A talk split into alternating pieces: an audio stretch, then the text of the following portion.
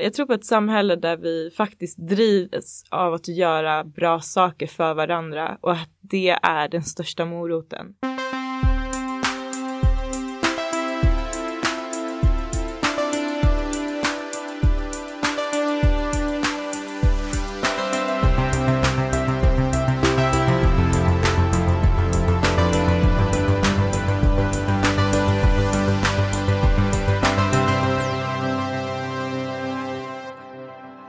Framtiden präglas av digitalisering, mångfald, hållbarhet, jämställdhet. Men fortfarande idag så är det så att vissa saknar tillgång till stora delar av samhället och ekonomin.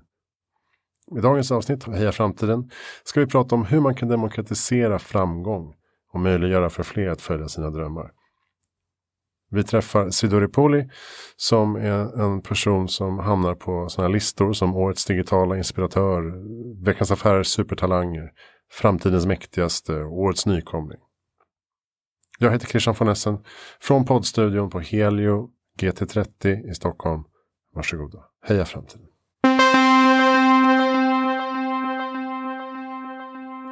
Då säger vi välkommen eh, till Heja framtiden eh, Siduri Poli. Hej! Hej! Heja! Vad roligt att ha dig här. Tack för att jag får vara här. Jag tänkte att du hade åkt hela vägen från eh, Alby. Men du har ju gått några kvarter här från Kulturgatan. Mm. Det är Changers Hubs nya lokal som är på Grev Turegatan 7 och nu är vi på Grev Turegatan 30. Precis. Um, men du får börja från början. Vad är Changers Hub och hur startade det? Changers Hub är ett coworking space som grund. Men sen är det ett lager av utbildningar som idécoachning, eh, inspirationsföreläsningar, entreprenörskurser. Eh, nästa termin börjar vi med aktiekunskap igen som vi hade tidigare och vi kommer också börja med programmeringskurser och sådär. Men eh, så att man kan säga att det är en fusion mellan typ ett coworking space, högskola och en arbetsplats. Mm. Eller fritidsgård för vuxna kanske. Så att det är liksom ett helt nytt sätt att eh, starta företag på och också lära sig eh, allt eftersom. Men eh, så att vi har ju, det började med att alla vi grundare som startade Changers Hub är från ytterstadsområdena, mer specifikt Botkyrka och Alby. Eller jag är från Hallon Norsborg så har vi Victoria som är från Fittja och sen har vi Fares eh, som är från Alby och Amanda som har växt upp i Alby. Och alla vi växte väl upp där och insåg kanske inte förrän vi blev vuxna och hamnade i arbetslivet hur tufft det har varit att ta sig från ytterstadsområdet in till finrummen. Mm. Till till exempel de rummen du och jag sitter i nu på Stureplan. Um, och eh, började mäta orättvisan och började se hur, eh, verkligen gå in på djupet på varför är det tuffare eh, för att man är född på en specifik adress. Det var väl egentligen så det startade och sen kom, så gjorde vi en, eh, en undersökning med Vinnova, Tillväxtverket och Botkyrka kommun för att identifiera liksom vad det är som är bristen eller svårigheterna med att få eh, varför det är så få som oss, alltså det vill säga personer från ytterstadsområdena som blir entreprenörer, förverkligar sina eh, idéer eh, och landar nu någonstans i att bristen är att det är en brist på kunskap, inspiration och nätverk eh, i ytterstadsområdena. Typ. Så det har mer att göra med adressen än eh, etnicitet eller bakgrund. Precis. På det sättet. Det har definitivt, jag tror att det har definitivt mycket mer att göra med adressen, men det har också eh, jag tror ju också mycket på klass, alltså att mm. beroende på vad man har. Låt säga så här för att konkretisera det. Typ, mina föräldrar kom till Sverige, när de kom till Sverige, de kom när de var i vuxen ålder redan och de var tvungna att jobba väldigt mycket. Eh, de hade två eller tre olika jobb sammantaget och så skulle de plugga på SFI. Um, och mina föräldrar hade ju inte ett naturligt nätverk av, nat du vet, av naturliga skäl mm. för att de kom hit så sent. Uh, så när jag skulle behöva typ praktikplats eller jobb eller vad den är jag behövde hjälp med så fanns liksom inte det nätverket. Um, och sen um, kunskapen fanns inte heller i skolan. Typ, när jag gick till min syo och var så här, jag ska bli en businesswoman. Jag visste inte ens vad det betydde. Men sa det till henne och hon var typ så här, så du, du ska typ vara nöjd om du får ett jobb. Så länge du inte blir missbrukare eller kriminell så är vi nöjda typ. Så att det fanns inte riktigt så här peppen heller i skolan och, och mina kompisar man, jag hängde med, de visste ju lika mycket som mig. Eller de kommer ju från samma familjeförhållanden kan man säga. Så att, eh, och sen också inspiration, alltså kopplat till de här kunskap, inspiration, nätverk. Alltså, jag vill bara lägga tyngden på att så här, det är inte fel på individerna, alltså att de inte hittar det. Det är det att det här finns, men det är inte tillgängligt för alla. Och inspirationen är också så här, våra förebilder som vi hängde mycket med var ju förebilder som fanns, som hade en närvaro. Men som kanske inte var de bästa förebilderna i alla avseenden. Um, för det fanns då, som finns idag också, att så här, om man är en person som växte upp i miljonprogrammen, en av de sakerna man vill göra är att flytta därifrån. Det är nästan ett, ett mål, liksom. Mm. Att man vill ta sig därifrån. Så att de starka aktörerna som på något sätt gjorde gott ifrån sig eller fick möjligheten och kanske startade ett företag eller fick de där jobben eller vad det nu kunde vara, drog ju. Så att de fanns inte närvarande när vi växte upp. Så att det, det, det finns, själva orättvisan i sig finns det många aspekter kring. Liksom. Eh, och jag tror att många har sin story som en referensram och jag tycker den är stark nog. Eh, men sen finns det ju också studier som säger att så här, ja, det är typ om man är ung tjej och växer upp i Botkyrka så är det högre sannolikhet att man drabbas av psykisk ohälsa än en tjej som växer upp i Kungsholmen. Um, det är högre sannolikhet att man som ung kille hamnar eh, i destruktiva vägval och att man hamnar utanför arbetsmarknadsstudier och så vidare. Så det är liksom, det är väl så här i, i, olika forum så pratar jag om olika saker för att i vissa forum så, han, så får jag prata om att jo, det är orättvist, vi har olika förutsättningar. Och i andra forum så här, fattar man det direkt, liksom så här, ja ja, men vi behöver inte ens diskutera det. Utan det, det, det är så det är och att där blir det mer så här, vi pratar om hur vi förändrar det. Men du tog dig ändå in i företagsvärlden. Hur, eh, hur gick det till för din del? Det fanns ett, alltså vi som, med, som startade Chainer's vi har faktiskt pratat mycket om så här, vad var det som gjorde att vi tog den här vägen? Mm. Och för mig var det ganska tydligt och för de andra medgrundarna också att det var en person som blev förebilden på något sätt som hjälpte en eller två personer som blev de som på något sätt ändrade omriktningen. Och för mig var det, jag gick i Tumma gymnasiet och en av mina högsta drömmar var att bli journalist. Um, och då hade skolan bjudit in eh, dåvarande chefredaktören för Expressen som skulle komma och föreläsa. Och han höll sin föreläsning och pratade väl mest om så här, varför Expressen är världens bästa arbetsplats. och eh, efter föreläsningen så mer eller mindre tvingade jag honom att läsa mina texter. Mm. Um, faktiskt mest för att jag behövde, alltså jag hade inte så bra svenska. Och eh, behövde få hjälp med grammatiken och liksom det svenska språket. För om jag ville bli journalist så behöv, visst förstod jag också att jag behöver bli bättre på svenska. Så egentligen så var det mer så här, kan du rätta mina texter snarare än kan du publicera mig? Så här, kan du rätta min text? Så bra första person att gå till. Ja. Chefredaktör på Expressen. Ja men exakt, bra. um, och sen så läste han en av de texterna och tyckte den var svinbra och publicerade den. Mm. Och därefter hände någonting. Därefter så kände jag också så styrkan av att så här, wow, jag har en röst. Och den första debattartikeln som publicerades på Expressen, jag var ju bara 17 år. Men den första debattartikeln, den var ju nu skulle, tycker inte jag, det jag skrev då.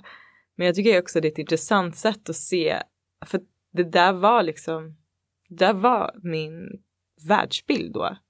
Och den debattartikeln handlade ju om att det hade skett ett rån i Hall, nej det, det värdetransportrånet i Hallunda så hade de stängt av vägen eller vad det var.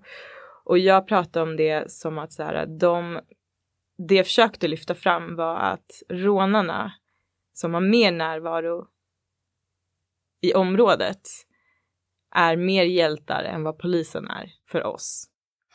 Mm -hmm. Sjukt problematiskt. Vare sig man vill eller inte så att säga. Alltså, nej, alltså det var, väl, nej, det var väl mer så här från mitt perspektiv så att jag tyckte de var så här, ja men så här, polisen har ju aldrig, jag hade inget förtroende för polisen nej. eller egentligen så här offentlig sektor överhuvudtaget. Hade inget, och politi, snack om politiken, så här, jag hade verkligen inget förtroende för politiker eller så här.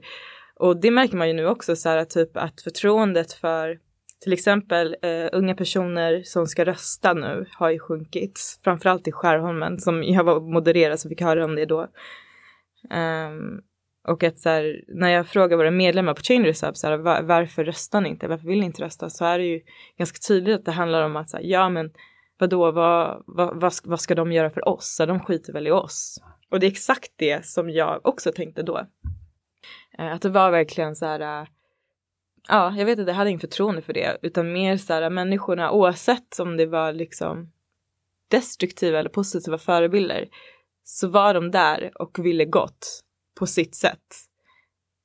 Um, så det var, det var så det var. Men den artikeln ledde till att jag fick jättemycket uppdrag, SVT och morgonsoffer och hej och hej och, och sen mm. och det var också där jag började ja men frilansa och så här, det var väl mitt första företag var så här frilansa som journalist och typ så här debattör typ. Um, men min uppfattning också om samhället förändrades väldigt snabbt för det var också då jag insåg hur icke integrerad jag var i det svenska samhället. Så typ jag hade inte så mycket koll om så här jag visste typ inte ens vad P3 var eller P1, så här, vi lyssnade inte på sånt. Alltså vi satt och lyssnade på ja, men typ amerikansk liksom, tv och musik så här, och typ SVT, jag fattade inte riktigt så här, vad SVT var för det var inte så coolt. Vi kollade på så här BT och du vet. Men dina föräldrar kom från Turkiet eller? Ja, de är assyrier. assyrier. Mm. Ja, mina föräldrar är assyrier och de kom, eh, de flyttade från Turkiet när de var, alltså min mamma var väl, jag vet inte, 16 eller någonting. Mm. Um, så de kom, för, då kom de till Tyskland, så bodde de i Tyskland åtta år och sen kom de till Sverige. Så att de var inte så här gamla när de kom, men det var ändå så här vuxen ålder när de kom hit. Och min pappa var egentligen tandtekniker, men uh, hans utbildning räknades inte i Sverige så att han fick börja från noll och då blev det restauranger. Som många andra. Mm. Mm. Okej, okay, men sen så du hittade någon slags eh, röst och plattform kan man väl säga. Mm. Eh, I och med skrivandet. Um, och sen gick du in i företagsvärlden efter det eller vad mm. hände sen? Alltså det som hände sen var att jag drev typ egna projekt och jag började, jag plugg, började plugga också. Jag pluggade på Stockholms universitet, Poppius och på Bergs. Och efter Berg så hamnade jag i så här techspåret. Alltså då blev jag mycket mer intresserad av just teknik och teknik kom ganska naturligt för att min bror var alltid intresserad av teknik. Men han var så här, teknikintresserad på så sätt att han eh, öppnade upp en dator för att undersöka hur allting hänger ihop. Medan mm. jag är mer intresserad av typ förändringar och samhällsutveckling och hur nya tekniker egentligen förändrar våra beteenden men också hur man kan använda nya tekniker för att förändra beteende eller förändra eh, system eller vad det nu än är. Så det är min take på det och ja, efter, efter eh, Bergs så startade jag innovationsbyrå med några av de som jag pluggade med. Och sen kom jag in i startupvärlden eh, och satt på alla de här SAP 46 och ja, nu är det ju, på den tiden var det inte så många, den tiden, det var 2014. Men eh, det var väl framförallt efter det skulle jag säga, alltså efter Berg som det blev så här företagsbiten. Innan det så frilansade jag och så hade jag väl investerat i en kompis företag. Men det var inte så här investering som vi tänker investering idag kanske. Men annars har jag bara drivit egna projekt. Egentligen. Just det. Men sen, och sen så tog du ett steg tillbaka till hemmiljön och kände att varför är det så mycket lättare där och inte här? Mm.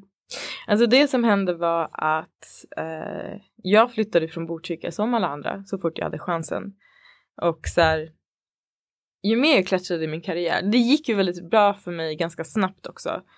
Så här, det var, det, det var liksom inte det här trögrörligt. jag vet inte, jag hade det väldigt lätt i, i de här rummen. Um, och ju fler styrelserum jag hamnade i, ju fler liksom högre upp jag klättrade, desto mer insåg jag också hur ensam jag var i det. Så här, du vet, jag kände bara att så här, det, det fanns ingen som riktigt förstod mig och jag kände inte heller att det fanns ett rum som verkligen var mitt hem. Och det var väldigt mycket så här, jag som kvinna bland annat, men också så här mörkt hår, kommer från orten, helt andra du vet, kulturella referensramar, så här, ingen fattade mina skämt. Jag visste inte vilka de här svenska artisterna var. Jag visste inte vad så här, eh, Allsång på Skansen var. Så här, alltså, det, vi, vi, det var liksom helt olika. Första gången jag firade midsommar var inte så länge sedan liksom. Mm. Och jag kände liksom, för det första så här, gud vad ensamt. Så här, vart är mina kompisar som jag har pluggat med i gymnasiet eller de som jag har hemma, alltså i Botkyrka. Var, varför finns inte de här? Och insåg lite också i det att så här, men för mig var det nog att så här, jag våg, någonting hände som gjorde att jag vågade drömma större. För att det är det som är saken, är att så här, drömmarna är så begränsade, speciellt i gymnasietiden förstod jag det. Så här, som sagt, så här, syo var mer så här, ja men typ bli någonting där man tjänar vita pengar. Mm. Medan typ tjejen i Kungsholmen gymnasiet kunde drömma om att bli statsminister eller vd liksom. Och att eh, på något sätt så, så, så var det väl ensamheten i att vara där som jag på något sätt kände att så här, någonting måste ändras. Och sen var det tre andra entreprenörer som också har tagit de tre som jag grundade Hub med som också har tagit liknande resor fast i andra branscher. Och, på något, ja, och så förenades vi i, i det. Så här, okay, varför, för det första, varför är vi här och inte alla andra? Och sen vad behövs för att vi ska kunna få alla andra in i de här rummen? Var liksom taket då. Mm. Men nu är taket mer så här, ur mitt perspektiv så handlar det mer om så här, hur kan vi få en mer diversifierat näringsliv? Så här, hur kan näringslivet eh, se annorlunda ut? Och jag tror mycket på ägandet. Att så här, vi måste Ehm, till exempel för att få jämställdhet i Sverige så behöver vi ha kvinnor som äger bolag. Det är så här, vi är ett kapitalistiskt samhälle. Um, oavsett hur högt upp man kommer i ett bolag så är det at the end of the day så är det ägaren eller ägarna som bestämmer. Och på något sätt så här, det är väl där för, det är där jag tror att det kan bli en rejäl förändring. Jag tror att så här, om kvinnor börjar äga företag, sina egna företag, Eh, Eh, och börja anställa och liksom få makt på det sättet så, så tror jag att det kommer kunna leda till ännu mer jämställdhet. Men också inte bara kvinnor utan andra som inte finns representerade. Eh, människor som har funktionsvariation eller icke-binära eller eh, människor från utsatsområden eller människor som har föräldrar som kommer från andra länder och så vidare och så vidare. Så att det är väl lite så här, min take är på något sätt så här, vi måste få fler olika typer av människor att starta bolag för att vi ska på något sätt kunna ha ett mer jämställt samhälle. Typ. Just det. Och då är Changers Hub en, en pusselbit i det då? Exakt. Att man kan komma och kostnadsfritt sitta där och eh, förverkliga sina drömmar som ni eh, yes. beskriver det som. Yes.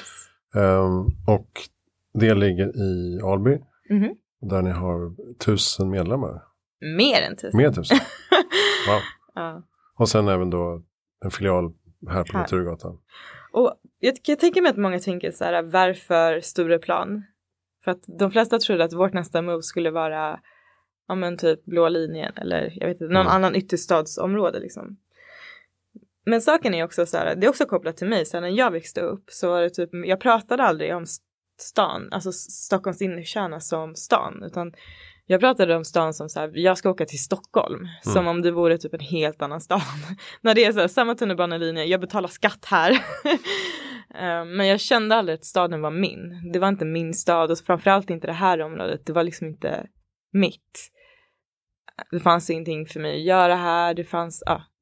Och, uh, och, och, jag märker nu att så här, det har inte förändrats så mycket, utan möjligheterna som finns är eh, finns i Stockholms innerstad. Men tillgängligheten till Stockholms innerstad, vi har ju tunnelbana och så, men att ta sig in i de där rummen, det är för stora trösklar för att folk ska göra det. Så att um, så varför vi startade här, det är egentligen det är skapa ett hem för människor som bor i mm. ytterstaden. Mm.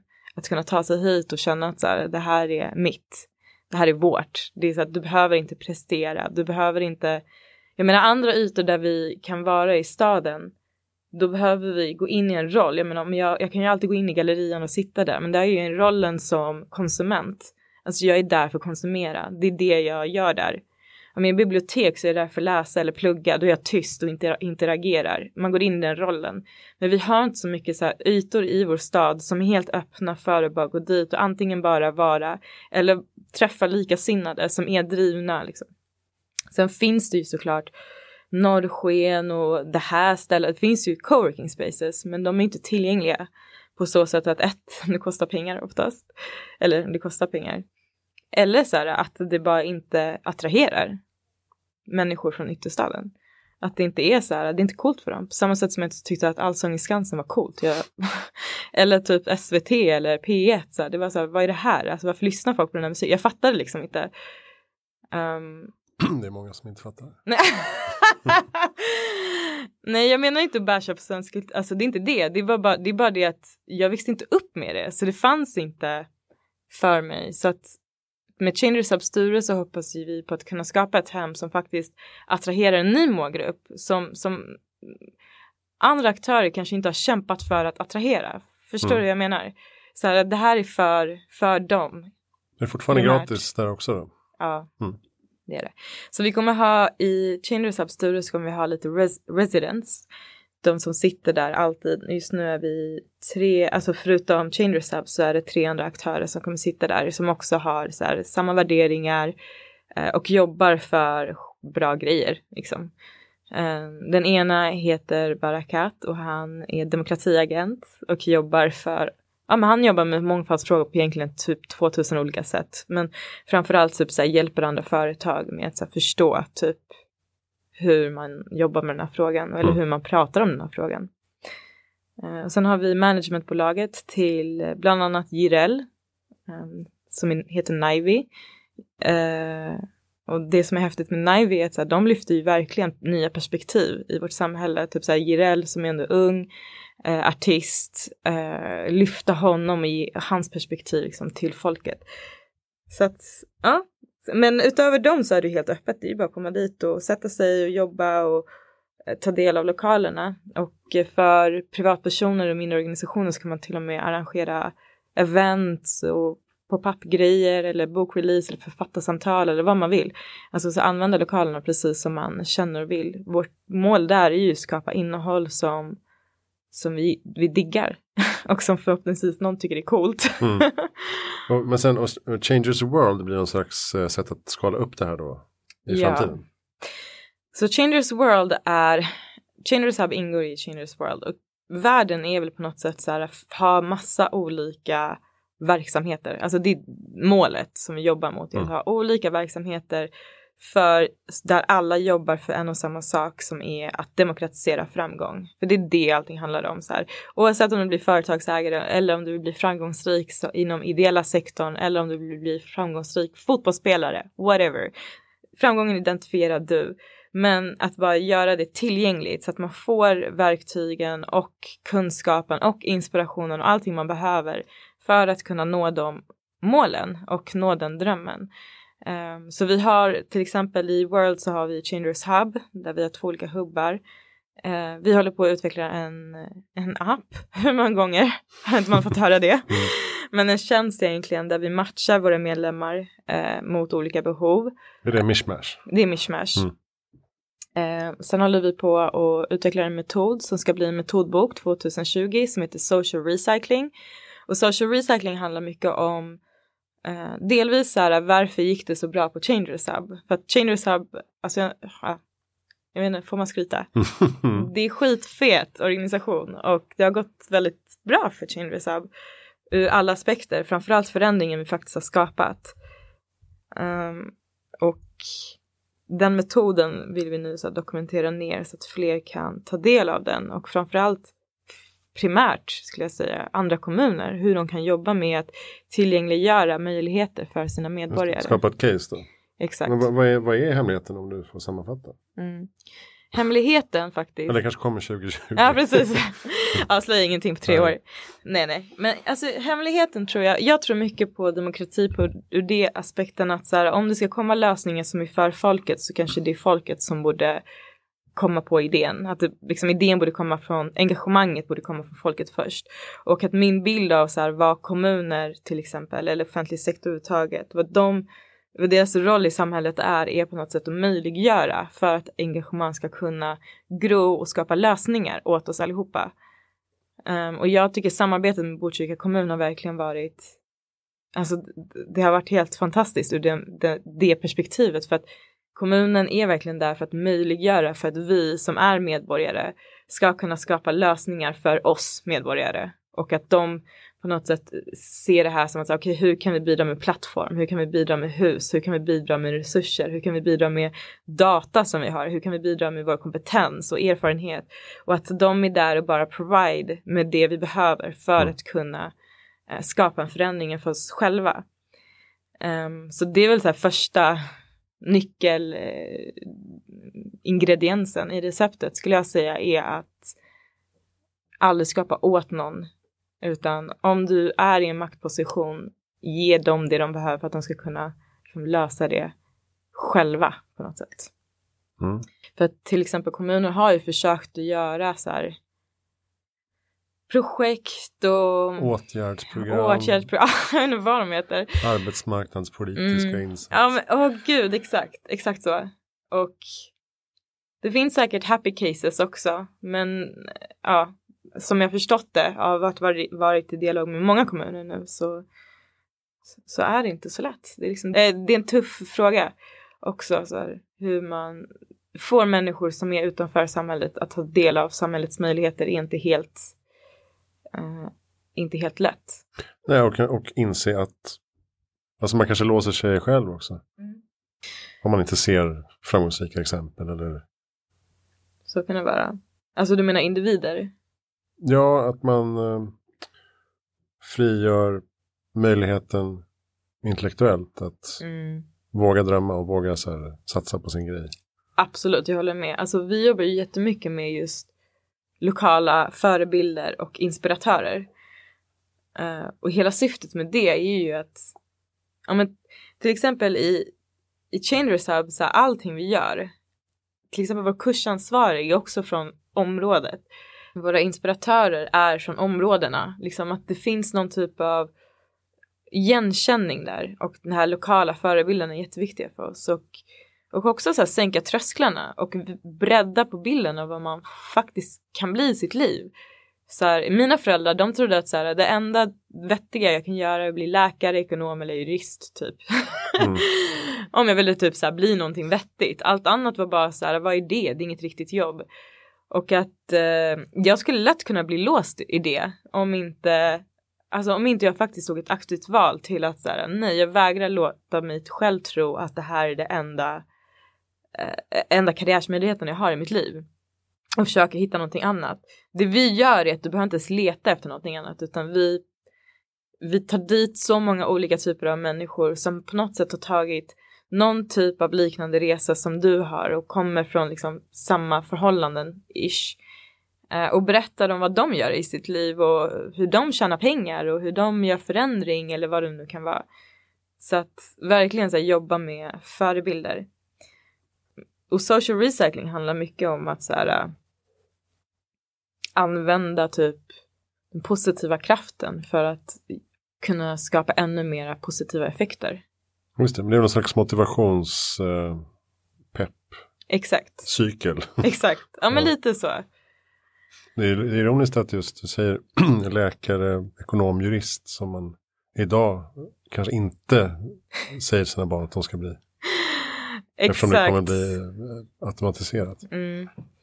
Exakt, faktiskt. När förstod du kraften i eh, de här förorts ung, förortsungdomarna och deras eh, idéer. Alltså någonstans så, för nu känns det så självklart att det är så otroligt mycket som uppstår på de här platserna. Men mm. då kanske det inte var lika självklart. När insåg du liksom att shit, det här är ju framtiden? Mm. Alltså det, för det första, jag håller verkligen med dig. Alltså den här outnyttjade, eller outnyttjade, men liksom den här potentialen och den här engagemanget som finns i ytterstaden är så här, det är som om folk precis har upptäckt så här, jaha, det bor människor där och de vill någonting i sitt liv trots allt. Mm. Men det är bara det att ingen har visat dem liksom vägen för hur man ska göra det och det är därför det inte har blivit av. Men för mig blev det självklart så här, när vi började med Changers Hub efter den här förstudien med att vi insåg att det finns en brist av kunskap, inspiration och nätverk så var det ganska enkelt för oss att förstå att så, okay, vi måste skapa en mötesplats där vi tillhandahåller just de här tre grejerna. Så vi började egentligen med i ett litet mötesrum i en fritidsgård som heter Albys hjärta som är precis i Alby. Så vi fick det här ett litet rum där vi skulle coacha unga människor eh, från det området att förverkliga sina idéer. Alltså det var allt ifrån så här bygga affärsplaner och affärsplaner för en så här skithäftig typ textredigeringstjänst till så här någon som ville göra en fotbollsturnering till någon som ville göra konstutställningar till någon som skulle göra någon så här AI-lösning, jag vet inte vad. Så det var verkligen så här vi coachade dem i massa olika typer av idéer. Och när vi började så kommer jag ihåg att jag och Victoria satt i mötesrummet och då hade vi precis liksom tryckt live på hemsidan, alltså nu öppnat Changers Hub. Och så satt vi där och ingenting hände. Vi bara, men gud, det är typ ingen här. Och vi bara, vad, vad, egentligen nu, så här, vad tänkte vi? Att bara, så här, bara för att vi har öppnat någonting så ska det komma en storm. Mm. Och så satt vi där i några dagar och sen började vi i alla fall gå ut till några skolor och bara så ja ah, men typ så om du vill bli entreprenör eller om du vill förverkliga idéer, kom till oss. Vi hade, då hade vi ingen så här idé, klar idé om vad vi egentligen skulle göra. Det var mer så här, jag och Vicky där och typ allt jag kan, jag kommer lära er. Om du, ni får liksom mitt, min telefonbok, ni får liksom allt jag har bara för att se vad som händer så här, med dig och din idé. Och min drivkraft har alltid varit att så här, förverkliga idéer så vi har inte råd att tappa idéer. Um, och sen så började det komma en och två och vi hade någon så här brief från kommunen som sa att så här, om ni typ coachar tio stycken unga från, alltså det var någon hösttermin, om ni coachar tio stycken unga så är vi nöjda. Och sen efter de tre månaderna så var det 450 stycken unga vuxna som hade signat upp sig och ville ha mm. hjälp med att förverkliga sina idéer. Och där blev det nog en epiphany för oss allihopa att så här wow, det här är någonting det här är typ så untapped mark, liksom ingen, vad är det här? Så här, varför blev det här så himla stort och varför, jag förstår varför just nu, för att nu också, entreprenörskap är hett och startups och hej och men, men, men det var någonting där som var så här, gud, det finns en hel armé av människor i ytstadsområdena som vill förverkliga idéer, som vill bli entreprenörer, men som är här för att de kanske inte har verktygen för att göra det. Så där någonstans förstod jag så här, äh, det här kommer bli sjukt stort. och... Ja, för de behövde bara själva bryggan Exakt. över så att säga. Exakt. Så att, och nu har ju vi, vi har ju fortfarande coachning. Coachningen är fortfarande en, en central del av hela verksamheten. Och det är också där man bygger långsiktiga relationer och Ja, men det, det, var, det var häftigt och sen efter det så vart det bara att kommunen såklart ville stötta vidare och vi byggde på med våra, vårt utbud och sen flyttade vi till ett stort innovationshus där vi sitter i nu som är en jättestor byggnad. Um, och nu är vi i Stureplan, vi hoppas på att liksom ta oss till Göteborg snart och så att ja.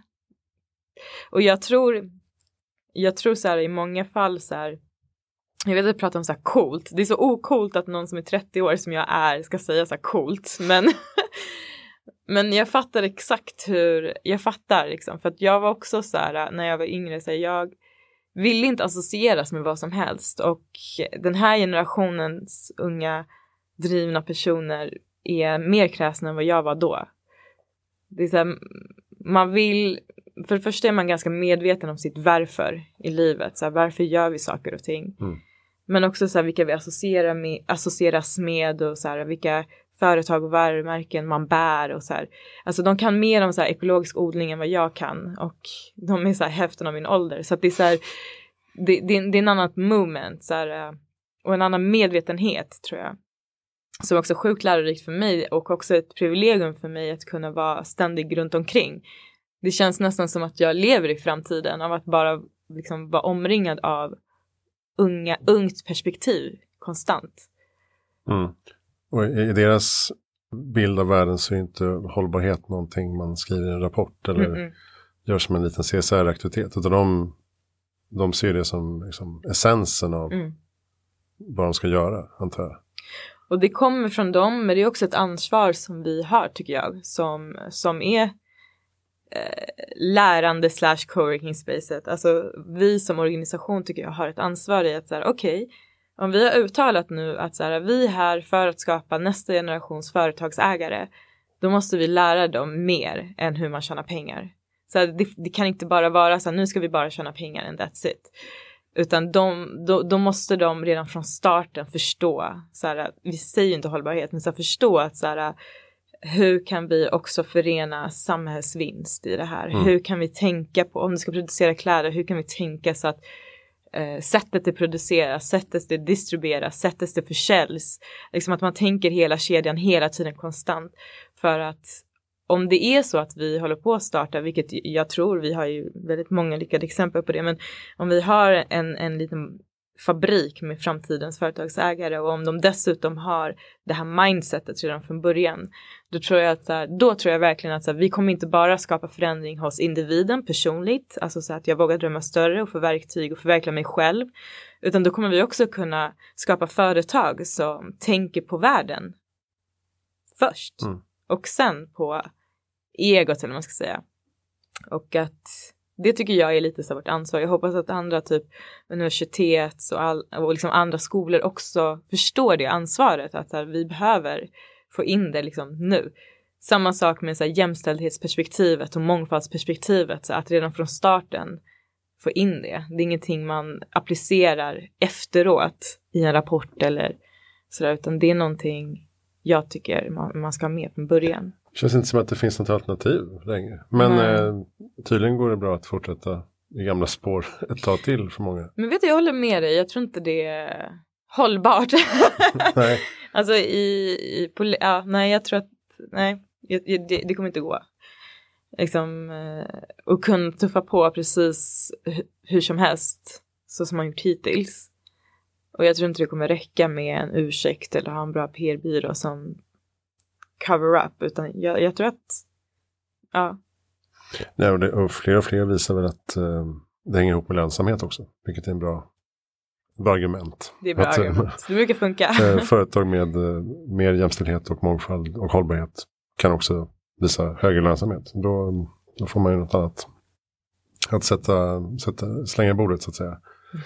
Jo, en nyckel till det här är väl också att uh, få in fler i liksom, utbildningssystemen och innovationssystemen. Och så hur, uh, hur ska man gå tillväga där? Är det utbildningssystemen som kommer förändras eller uh, måste man förändra de här individernas syn på utbildning? Mm. Eller kan man hoppa över det och gå direkt på innovationerna? Jag vet att så här, många av våra medlemmar som vi har Eh, inte många, ja, men jag vet inte procentuellt hur mycket det kan röra sig om, men jag tror att det, efter gymnasiet och det är dags att plugga så, så, så, finns det inte så många vägar att gå egentligen. Så antingen pluggar du och då ska man in i någon av de här utbildningssystemen. Eller så skaffar man ett jobb eller så typ åker man till Australien och hittar sig själv eller någonting. Men det finns liksom ingen motorväg som är så här, äh, bli entreprenör. Då är det ju via högskolorna eller via typ Nyföretagarcentrum som inte har funkat så bra för många jag känner. Men det finns inte så här, åh det här är entreprenörsmotorvägen liksom. Och det är väl typ det som vi vill skapa.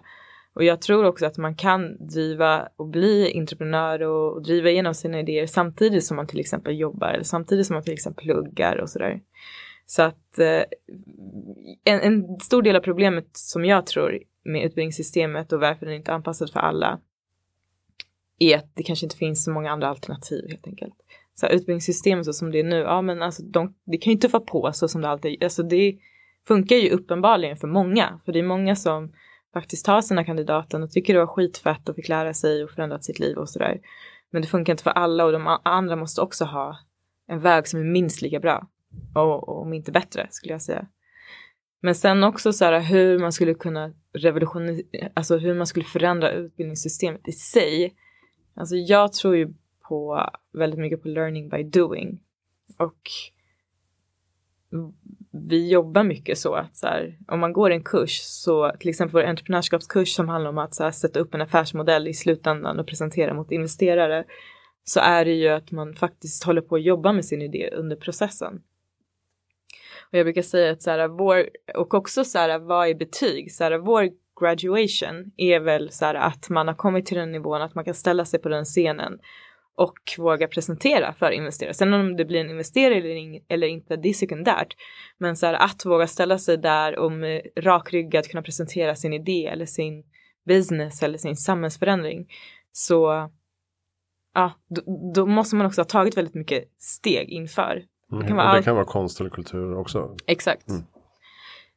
Sen hur man skulle kunna ändra och sen också så tror jag att det är alltså till exempel jag har alltid tyckt att mode är jätteintressant och jag var på ett tak igår med bland annat Alexander Pascalido och hon berättade eller snacket handlar om egentligen så kläder och makt på Hope som är mode mm.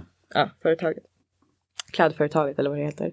Och då pratade de i, i den dialogen så pratade de väldigt mycket om så här, att så här, vi kände inte till att det fanns modeskolor. Så här, Alexander är ju från Rinkeby och ja, lite sådär. Och, och att också så här, mina föräldrar skulle nog aldrig stötta, alltså de skulle nog aldrig säga så här, så du vet du, plugga i den här fina modeskolan.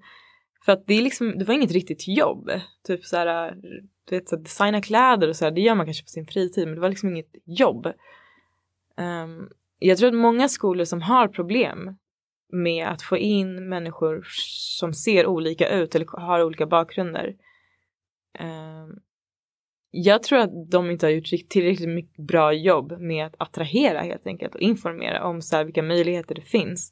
På samma sätt som vi jobbar med typ att ha massa lokala förebilder som kommer och bredda bilden av vad det innebär att vara författare eller mäklare eller poet eller vad det nu kan vara så tror jag att så här, om skolor verkligen vill ha olika typer av människor som kommer dit så är det ju egentligen samma branding, alltså det är samma, det är samma informationsarbete. Att se till att visa på bredden och vilka typer av människor som kan gå i de här skolorna men också vad man kan bli i sitt liv. För det är lätt att det är där icke-jämställdheten och icke-mångfalden cementeras väldigt mm. snabbt på de fina skolorna så att säga. Mm. Och jag menar, ingenting säger att du inte kan tjäna multum på mode. Men det är också så här, eller typ konstskolorna till exempel. Det är också ett privilegium att kunna ta en utbildning som inte på något sätt garanterar en lön. Förstår du vad jag menar? Mm. Alltså det är ett privilegium att kunna så här, ta en utbildning som man inte känner så mycket till om när det kommer till framtidsutsikt vad gäller ekonomiskt. Alltså det är ett privilegium att kunna ha en familj som är så här, men vet du vad, om allting skiter sig, det gör ingenting, du kan plugga här och vi hjälper dig eller sådär. Det, det är liksom eh, det, det, är för mycket att riskera när man inte har de ekonomiska förutsättningarna att spendera så mycket tid och pengar på en utbildning som mer eller mindre inte garanterat ger jobb. Liksom. Sen vet jag att det finns inte någon utbildning som säger så här, du får 100% ett jobb, liksom. men du förstår vad jag menar kanske. Mm. Men då blir, då blir er uh, Changers Hub någon slags light-version där man kan testa sina idéer. Och mm. Man kan vara i den kontexten utan att behöva mm. lägga alla ägg i en korg. Exakt, exakt. Och, men det märker vi också så här, jag tror att många, inte bara våra medlemmar, jag tror att många som ska starta företag, ny, alltså som är ny ska eller precis har börjat, alltså det största problemet är ju pengar. Alltså så här, hur, om inte det handlar om pengar till idén så pengar till liksom privatekonomin. Så här, hur ska jag betala hyran? Eh, jag vet, behöver kanske lite mat att äta. Sådana saker. Jag tror att, eh, och, och, och, jag tror att rädslan för det eh, ibland blir så stor att folk inte vågar ta steget, inte vågar säga upp sig för att liksom springa ut i vildmarken. Och men eh, och på Changers Hub så är det, det är ju en skola på så sätt. Men det är ingen heltidsutbildning utan kan fortfarande göra din grej på dagtid eller kvällar. Och komma till oss och, och testa. Och också så här att testa idén i form av att så här, är det här en bransch jag ens vill vara i?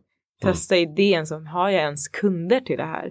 Innan man, eh, innan man hoppar rakt in i det. Och sen när man har testat och fått bekräftelse eller feedback från oss men också hela nätverket så, så får man liksom en lite tydligare bild vad gäller risktagandet i alla fall. Um, ja.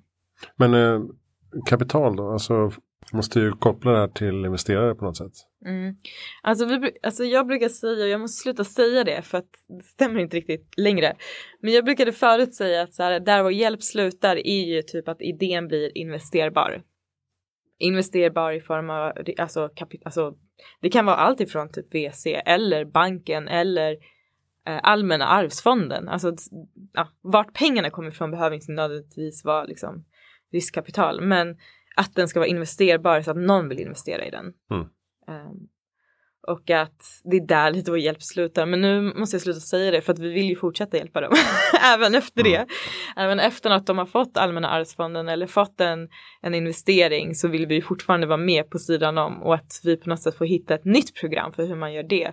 Det kanske blir att de blir de som är i vårt coworking space men kanske betalar för vårt coworking space och när de betalar för ett coworking space så kanske vi kan ta emot ännu fler unga som inte är lika etablerade. Ja, att det blir en social recycling idé, alltså rent ekonomiskt, att etablerade aktörer uh, betalar för att icke etablerade aktörer ska kunna få hjälp. Eller att det blir som någonting, om vi får in pengar på det sättet så kanske man kan ge ut en lön till våra unga entreprenörer som är rädda för att satsa och sådär. Så att det är jättespännande att se liksom hur vi kan ta det nästa steg bortom invester investeringen. Uh, men vi är inte där än. Just nu är det fortfarande så här, vi, vi, hjälper, vi hjälper fram till att de står där framför backing minds och presenterar sin idé. Mm. De pitchar. De pitchar, ja.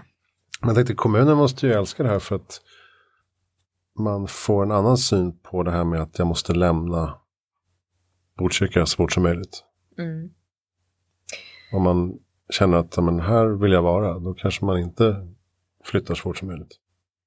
Ja. Vilket alla kommuner vill ju hålla kvar ungdomar. Ja, alltså jag tror det här med så här, eh, utflyttningsgrejen jag tror att det kan definitivt bli en sidoeffekt. Så här, vi har ungdomar som har, varit, som har sagt till oss att jag har aldrig varit stolt över att komma till Alby men nu är jag det för Changers Hub finns mm. här.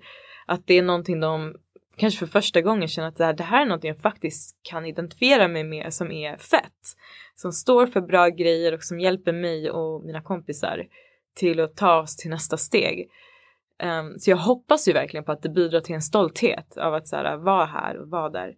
Sen så tror jag inte att det ska landa på individen. Så att, att man, det finns också eh, i, bland mina kompisar kan vi ofta prata om så här, ortenskulden. Att bara för att man har flyttat därifrån så har man någon typ av skuld eller man känner mm. någon skyldighet av att så här, ska ge tillbaka. Och vad innebär det att ge, så här, ge tillbaka? Det är också så konstigt att så jag är från Botkyrka, åker in till stan och kommer till mina rätta sinnen så ska gå tillbaka och så här. Jag vet inte, det blir något så här uppifrån nerifrån perspektiv också. Så att det alla har sin egen journey och så som vi ser, alltså vi, jag och mina medgrundare ser det är ju inte att vi ger tillbaka eller kommer tillbaka. Det är att vi aldrig lämnade. Fysiskt gjorde vi det i form av så här byta adress och flytta till en annan lägenhet. Men jag vet inte, jag kommer alltid vara, jag kommer alltid vara Botkyrka. Det, det, är min, det är min story och jag är stolt över det. Alltså jag är så stolt över att ha kommit från ett, ett, ställe där vi har så mycket olika kulturer. Jag är stolt över att jag fattar sjukt mycket språk på grund av det och att jag har fått lära mig och ätit maträtter som, som jag aldrig skulle fått äta om inte jag hade fått vara där. Jag älskar att gå där och att det luktar mat vart man än går och att folk du vet hejar på varandra och hjälper varandra på ett helt annat sätt. Så här, jag älskar det, alltså jag älskar min hemkommun och jag är så glad att jag fått ta del av det. Det gör att så här, jag kan åka vart som helst i världen. Jag känner mig aldrig främmande. Jag är världsvan vart jag än går. På grund av att jag växte upp där. Och den så här, den erfarenheten, alltså den skillsen, går, du kan inte köpa dig till den. Du kan inte, du kan inte backpacka dig till den. Förstår du? Utan så här, Ja, jag, vet, jag skulle aldrig byta det mot något. Men så jag ser inte så här, vi ger tillbaka. Jag ser det bara så här, vi samlar kraften. Så här, det spelar ingen roll vart jag har bosatt mig. Det som spelar roll är så här, vad jag identifierar mig med och vart mitt hjärta på något sätt ligger. Och om vi som har liknande erfarenheter på något sätt kan prata öppet om det här och mobilisera oss så, så tror jag att vi kommer stärka varandra och på så sätt kunna, kunna bidra till förändring så att nästa generationer känner att de har exakt samma möjligheter att drömma stort som Kungsholms gymnasietjejen och faktiskt ha redskapen och verktygen för att kunna, kunna bli nästa Daniel Ek. Mm. Samtidigt som man måste göra något åt den här rädslan som finns för den här fantastiska kitteln som du beskriver. Mm. Att det, det är fortfarande så många svenskar som känner stark oro inför det. Att Sverige ska bli någon slags eh, mångkulturell smältdegel. Mm. Som det ju många sätt, på många sätt är redan. Vad tror du är vägen framåt där? Pratar vi om Sverigedemokrater eller? ja, jag tror det är många fler än Sverigedemokrater ja. som muttrar. Men eh, hur, hur, ska vi, alltså, min... vad är nyckeln till eh, ja. integration? Vi har ju varit inne på det förstås. Men... Ja. Alltså när det kommer till eh... alla får, alltså alla väljer sina fighter och du vet. Jag är ganska trött på att berätta för människor att de gör rasistiska handlingar. Jag är mer pigg på att berätta för de som eh, är offer av rasismen av att inte ta åt sig eller försöka, försöka stärka dem. Förstår du skillnaden? Mm.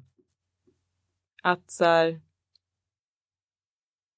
jag vet inte vad jag ska säga. Så här, om man är emot alltså, mångkultur, ett mångkulturt samhälle, alltså jag förstår inte hur man tror att Sverige ska gå framåt. Jag, jag vet inte, jag kan inte, jag, jag tror att jag förstår liksom inte bara hur man inte kan se det så som jag ser det. och det är väl det som är problemet. Ja. Att det är många som tänker så. Men jag menar, alltså för mig har typ så här, det mångkulturella, det har alltid varit en del av Sverige. Och det är väl så här för att när jag är själv uppenbar, alltså mina föräldrar är inte härifrån. Så att för mig är det, det är så naturligt för mig att se det, alltså jag har ju det perspektivet, det har alltid varit så för mig. Alltså, och det finns inga problem med det, det finns ingen så här, människor är goda och också så här, människor som har kommit hit så här, äh, du, alltså, jag menar så här, mina föräldrar de fick kämpa så hårt för att ta sig hit och få du vet fyra sista siffrorna och lära sig språket. Alltså vet du hur mycket de har fått kämpa för att jag ska ha det bra? Alltså det är också så här, det är inte och, och, och, så, så läser jag i tidningarna hur lätt det är för människor att komma hit och de ska få allting gratis serverat när det är så här, ni fattar ingenting. Alltså förstår ni inte hur svårt det har varit? Alltså förstår ni inte vilka uppoffringar mina föräldrar fick göra? Alltså de fick lämna sitt hem liksom. Om, om inte man förstår det och jag tror att så här, man kommer in och sen så hamnar man och så blir det så enkelt och jag vet inte. För mig är det så här tvärtom. Så här, mina föräldrar föddes inte med silversked i munnen och därför kan jag stå här och, och säga de här sakerna och våga ta för mig och, och det, alltså om inte det var för dem så hade jag inte varit här. Jag hade varit en liten byflicka i bästa fall eller mördad av Isis i värsta fall. Och att så här, jag, jag, har, jag har ingenting att säga till dem tror jag. Jag tror inte, om inte de fattar det liksom, om inte de fattar hur svårt det har varit och trots det ändå är kvar här och ger kärlek till det här landet och betalar skatt och uppfostrar sina barn här och gör liksom sitt bästa för, för barnen och de som kommer så, så jag vet inte. Om inte man ser det så, jag vet inte vad jag ska säga till dem. Då, ja, jag vet inte. Det var inte så konstruktivt svar, men jag tror bara att jag, jag och jag tror också så här, jag har nog inte, jag känner inte heller att det är min fight på något sätt. Så här, jag har inte heller tålamod eller så här, jag tror inte jag vill förstå. Jag vet att det finns ju typ Navid Modiri har ju, ska ju ha någon podd nu eller någon så här dialoggrej mm. där han ska prata med människor som är olika han själv tror jag om jag fattat det rätt. Och jag tycker sådana forum är skithäftiga och så här, och han är, han är verkligen duktig på att föra samtal. Och han kommer sköta det galant tror jag. Men så här, jag är inte en sån. Alltså jag är så här, jag, jag utmanas gärna i så här, vi kan sitta och debattera om sakfrågor, men så här, när vi sitter och debatterar om om masslakt är okej okay eller inte. Alltså då känner jag att så här, vi är så långt bort från varandras värderingar så att det, det kommer inte leda till någonting positivt för mig. Och jag tror inte jag kommer kunna påverka den här personen till någon positiv riktning heller. Så att det här blir bara inte bra. Istället så tycker jag att det, alltså för mig, min kamp är på något sätt stärka de som i sådana fall bemöts av rasism och vara så här, vet du vad, vi slänger det bakom oss och försöka stärka liksom på det sättet. Att så här, jag är mer supportande på det hållet och det får bli liksom mitt sätt att hantera det. Och sen, ja, alltså jag menar de som tycker att vi, vi ska stänga gränserna och, och hej och hå, det, det tycker jag är konstigt. Jag, jag, jag tror att det kommer vara vår tids stora skam. Garanterat. Det kommer vara så här, våra barn och våra barnbarn, oavsett nationell tillhörighet, kommer blicka bakåt och vara så här, hur kunde ni låta så många människor dö på det där havet? Det är jag helt övertygad om. Och vi kommer vara där och bara, nej men alltså, alltså det, saken är att vi kunde inte höja pensionen med 200 kronor i månaden. Alltså vad, hur ska vi försvara det liksom? Mm. Hur ska vi försvara det? Inte bara vi i Sverige, alltså Europa. Hur ska vi försvara det? Jag kommer inte kunna ha någonting så här försvara det med. Jag tror att det är en av våra, ja, vår tids största skam. Liksom. Och vi kommer inte heller kunna säga så vi visste inte. Eller att vi inte förstod. Vi vet exakt. Så ja, det är väl ganska tydligt vart jag står i den frågan. Liksom.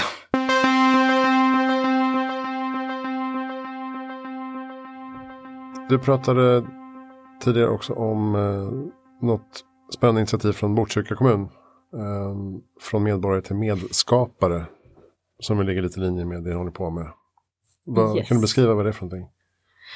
Um, det man skulle kunna säga är typ att det har inte hänt så mycket med demokratin. Sen eh, gamla grekerna eh, höll på att rösta och sådär. Det som har hänt är att demokrati nu innefattar fler människor, det vill säga kvinnor kan rösta och, och sådär. Eh, men annars så är det ju det som är liksom vårt demokratiska system ser ut på det sättet att vi röstar en gång var fjärde år eh, och vi har de partierna och så vidare. Eh, men alltså jag är mer intresserad lite så här kring till exempel hur typ alternativet har gjort i Danmark. Det politiska partiet alternativet. De började egentligen med att göra demokratilabbar där de bjöd in hela danska befolkningen till att starta ett nytt parti. Och sen i de labbarna så identifierade de av vad partiet skulle heta, grafsprofil, partipolitik och så vidare. Och jag tycker att den metoden är väldigt intressant. Så vi har pratat mycket om den med Botkyrka kommun. För att i vanliga fall, till exempel i kommunen så har man medborgardialoger som jag har varit på sådana, jag har varit intresserad av hur de där medborgardialogerna fungerade. Så jag, jag började gå på några stycken och det är, ofta, det är verkligen så här människor som kommer dit är människor som är engagerade fast arga. Det. Är det så här öppet hus då på något sätt? Ja men då kan det vara så här, nu ska vi prata om nya idrottshallen till exempel. Ja, Eller så här, nya äldreboendet och så går man dit så är det en massa äldre människor som kanske bor i det huset som ska renoveras eller i det nya huset mm. som ska byggas. Eh, och så är man arg över att hissen inte fungerar eller att lamporna inte fungerar eller att internet, eller internet har de kanske inte klagat på. Jag vet inte, det kanske de visst gör. Fördomsfullt. Men eh, Precis, och då är det, det är liksom en klagomur egentligen och inte så mycket dialog egentligen utan så här, ah, nu ska vi presentera nya, nya stadskärnan och så, så presenterar man så får man lite input som inte Usch. hamnar någonstans. Ja men typ. um, och jag tycker också det var konstigt att så här kommun, alltså liksom att dialogerna handlar om att presentera saker och ting som redan var färdiga. Och så började vi prata om att så här, hur kan vi göra det här med interaktivt och att medborgaren kommer in i tidigare stadium. Och så som det funkar nu så är det ju att till exempel kommuner identifierar ett problem. Till exempel ett problem är att eh, inte tillräckligt många lärare är behöriga i, i grundskolan, vilket leder att unga människor inte har tillräckligt hög behörighet för att ta sig till gymnasiet. Låt säga det, nu vet jag inte om det här är ett problem, jag gissar bara, jag antar att det är ett problem. um, så de kommer med ett problem och så får medborgarna på något sätt komma med lösningar. Det är ju ett steg att ta det steget innan mm. dialogen. Och nu med medskap från medborgare till medskapare så vill vi ta det steget längre. Att till och med problemet identifieras av medborgarna. Så nu under vårterminen så har vi bjudit in medborgarna i Botkyrka kommun att eh, vi har fått tre områden, utbildning, jobb, skola. Nej, skola, eh, utbildning, jobb, bygge, stadsbygge. Mm. Eh, de tre områdena. Så nu har vi bjudit in medborgare i Botkyrka kommun att identifiera så exakt vad det är som är problematiskt med de här tre områdena. Um, och i utbildning till exempel så kom det ganska snabbt att så här, vi har inte tillräckligt bra lärare för att lärarna eh, som går ut skolorna vill kanske inte jobba i, i kommunen för att det är kanske långt bort att åka eller att lönen inte är tillräckligt hög eller att de, det ser inte bra ut på se, whatever reason. Um, så att nu har vi identifierat problemen i de områdena och sen under Almedalen så kommer vi ha eh, demokratilabbar där vi återigen tar med oss medborgare eller bjuder in medborgare och organisationer som finns där till att komma på lösningar med de här problemen som medborgarna i Botkyrka har identifierat. Och sen nästa steg blir att vi presenterar det här för kommunfullmäktige och förhoppningsvis också börja implementera de lösningarna och att det ska göras till nästa års Almedalen där man presenterar hur det har gått med de här mm. lösningarna. Det låter också som någonting man kan applicera på alla kommuner. Det tycker jag. Så att nu blir det här prov, provåret och sen mm. kanske det blir en metod för hur man faktiskt eh, utvecklar vår stad. Inte hur man använder medborgare för att lösa problem. För det är medborgarna också som kommer med problemet. Men hur vi utvecklar vår stad. För jag tror också det är där eh, kommuner kommer se utmaningar som de kanske själva inte har sett eller reflekterat över eller har sett men inte trott att det var en, ett problem för de som bor där. Eh, så att, så, så att där, där tror jag att det kan, det kan hända någonting väldigt spännande. Så från medborgare till medskapare, det, ja, det är ett intressant projekt som vi gör med kommunen just nu. Just det. Ja, för det kan ju vara, det låter ju så självklart förstås. Uh. Att medborgarna ska vara med och bestämma från början. Men, eh, nej, men det kan väl vara att om vi har byggt så härliga, härliga, härliga galleria och torg och eh, kontorsfastigheter här. Bara att medborgarna tycker det är ganska deppigt för att på kvällen så händer ingenting och så är det bara mörkt och tyst mm. och blåsigt och otryggt. Mm. Eh, vilket kanske inte politikerna tänkte på då. Mm. Utan då kanske man ska göra Kanske man ska gjort på annat sätt från början. Exakt.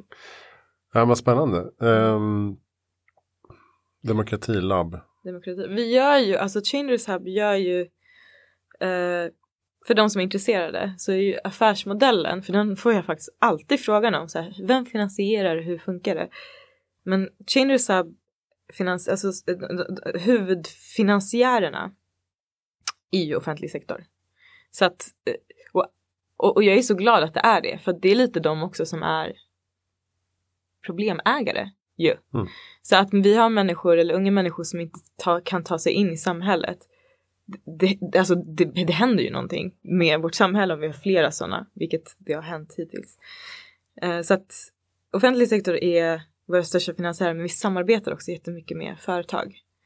Så och, och samarbeta med företagen kan vara allt ifrån så här att de finansierar vår nästa hubb till att de finansierar en av våra kurser eller att de kommer in med humankapital, alltså det kommer in människor som är experter inom olika områden och håller en föreläsning i, inom kursen till exempel. Um, eller också att vi tar uppdrag. Som det här projektet från medborgare till medskapare är egentligen ett uppdrag som vi fått mm. av mhm. Botkyrka kommun.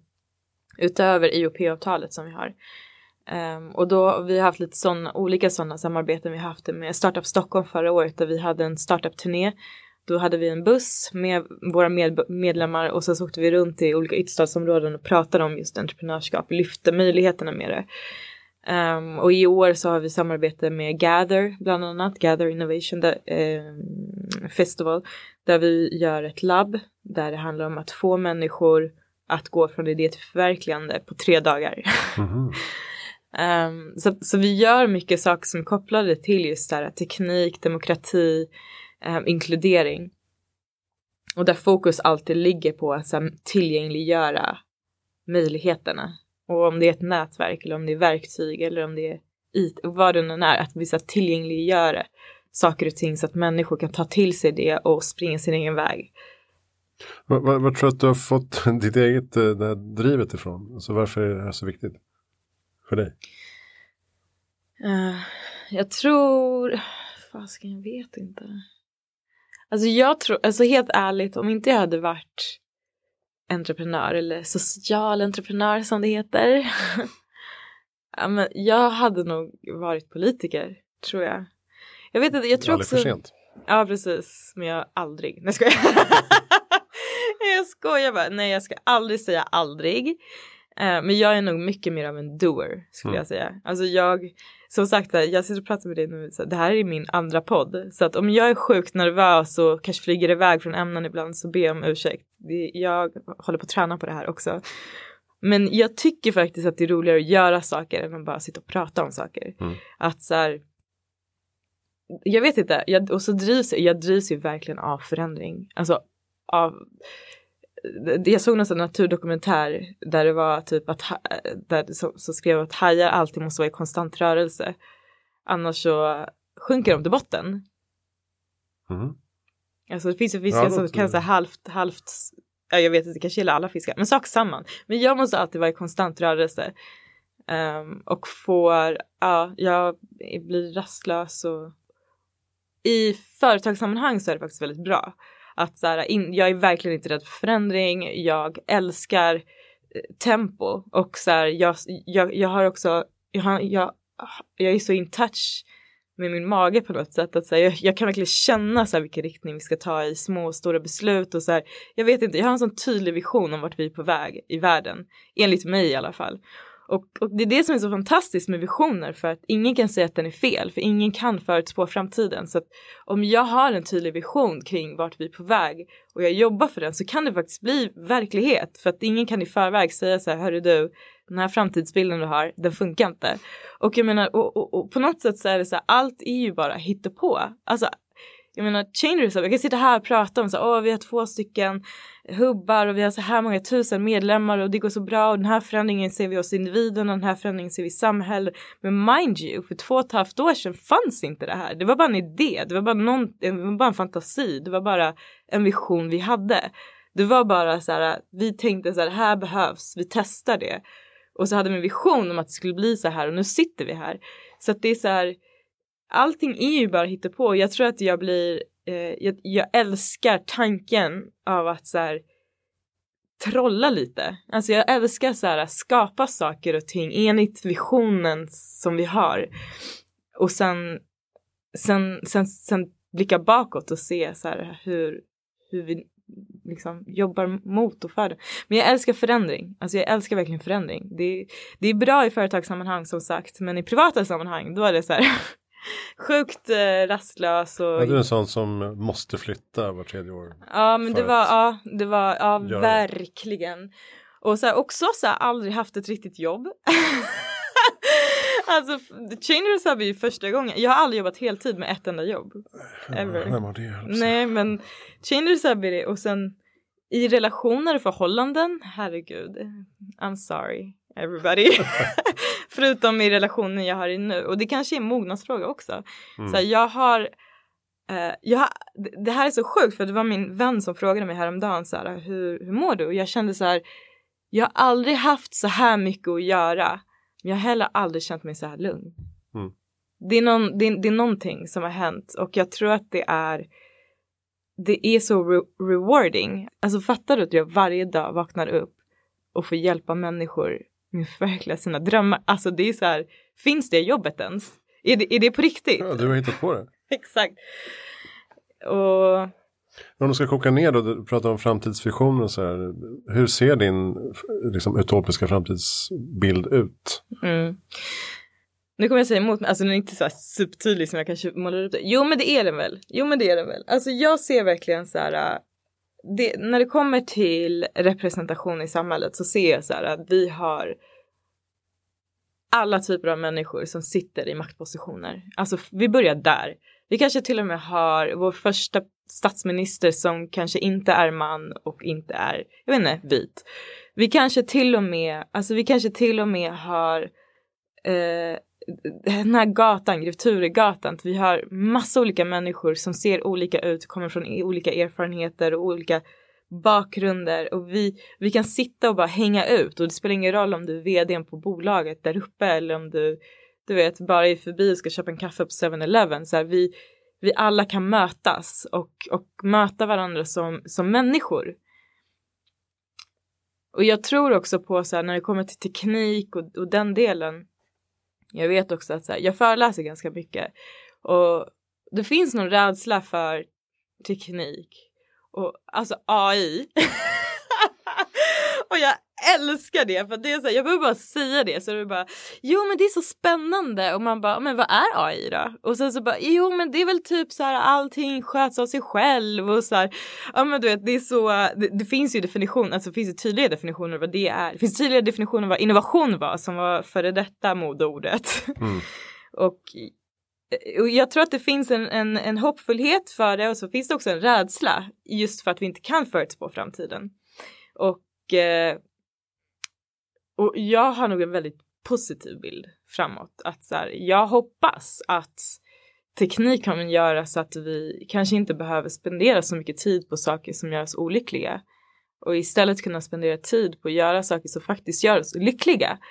Och kanske så här status på yrken. Vi pratar om mode och konstutbildningar för att inte ge pengar, men det kanske gör att statusen för de sakerna som handlar mycket mer om kreativiteten lyfts och att det kanske är det vi ska syssla med och att vi får vara kreativa och sanna mot oss själva hela tiden varje dag. Och att så här, ha ett syftesdrivet samhälle som inte heller går ut på vinst i form av pengar heller. Att så här, och, och det, det, kanske låter så helt otro, så sjukt att tänka så här, vadå, är du, in, är du emot kapitalismen? Men det är inte det. Och jag är inte kommunist eller så här, men jag tror på att så här, jag tror på ett samhälle där vi faktiskt drivs av att göra bra saker för varandra och att det är den största moroten.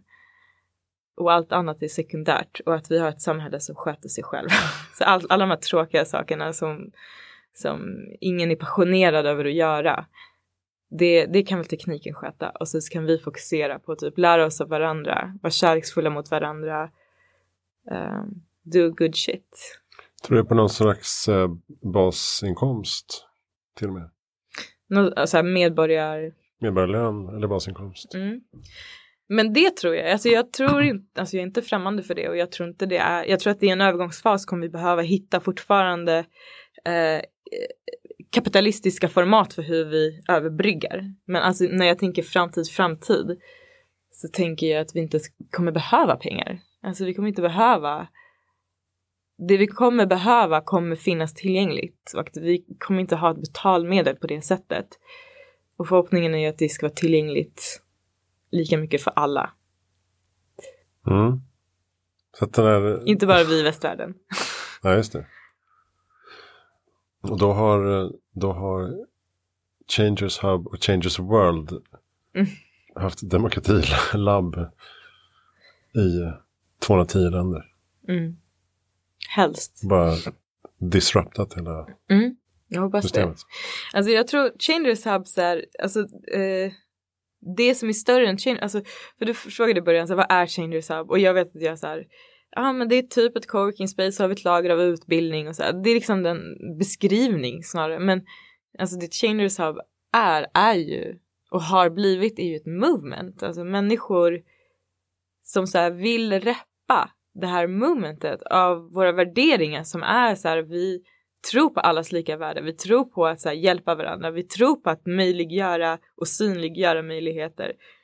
Vi, jag tror så här, även om inte vi öppnar hubbar, alltså fysiska hubbar runt hela världen, så tror jag verkligen på att metoderna, filosofin och movementen med Changers Hub, den hoppas jag på att sprida sig. Um, och också så här, jag menar, det handlar ju bara om att stärka varandra egentligen. När allt omkring så handlar det om att stärka varandra. Det är att här, se varandra, mobilisera kraften, stärka varandra och sen bygga någonting utifrån det. Och det skulle man ju kunna applicera var som helst egentligen.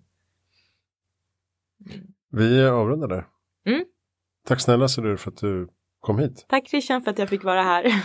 Mycket trevligt. Um, Heja Framtiden finns förstås som vanligt på Facebook. Um, vi har också kopplat in oss på en Facebookgrupp som heter Sveriges mest optimistiska Facebookgrupp. Där kan man bli medlem om man vill ha goda nyheter varje dag. Uh, att rekommendera. Uh, vi finns på Instagram, Patreon kan man bidra med en slant. Och eh, uh, mejladressen heter hejaframtiden.gmail.com. Tack snälla Helio, helioworks.se för att vi får använda den fina lilla studion. Och eh, ja, vi samarbetar också med Warp Institute, det är de som har Facebookgruppen ska jag säga.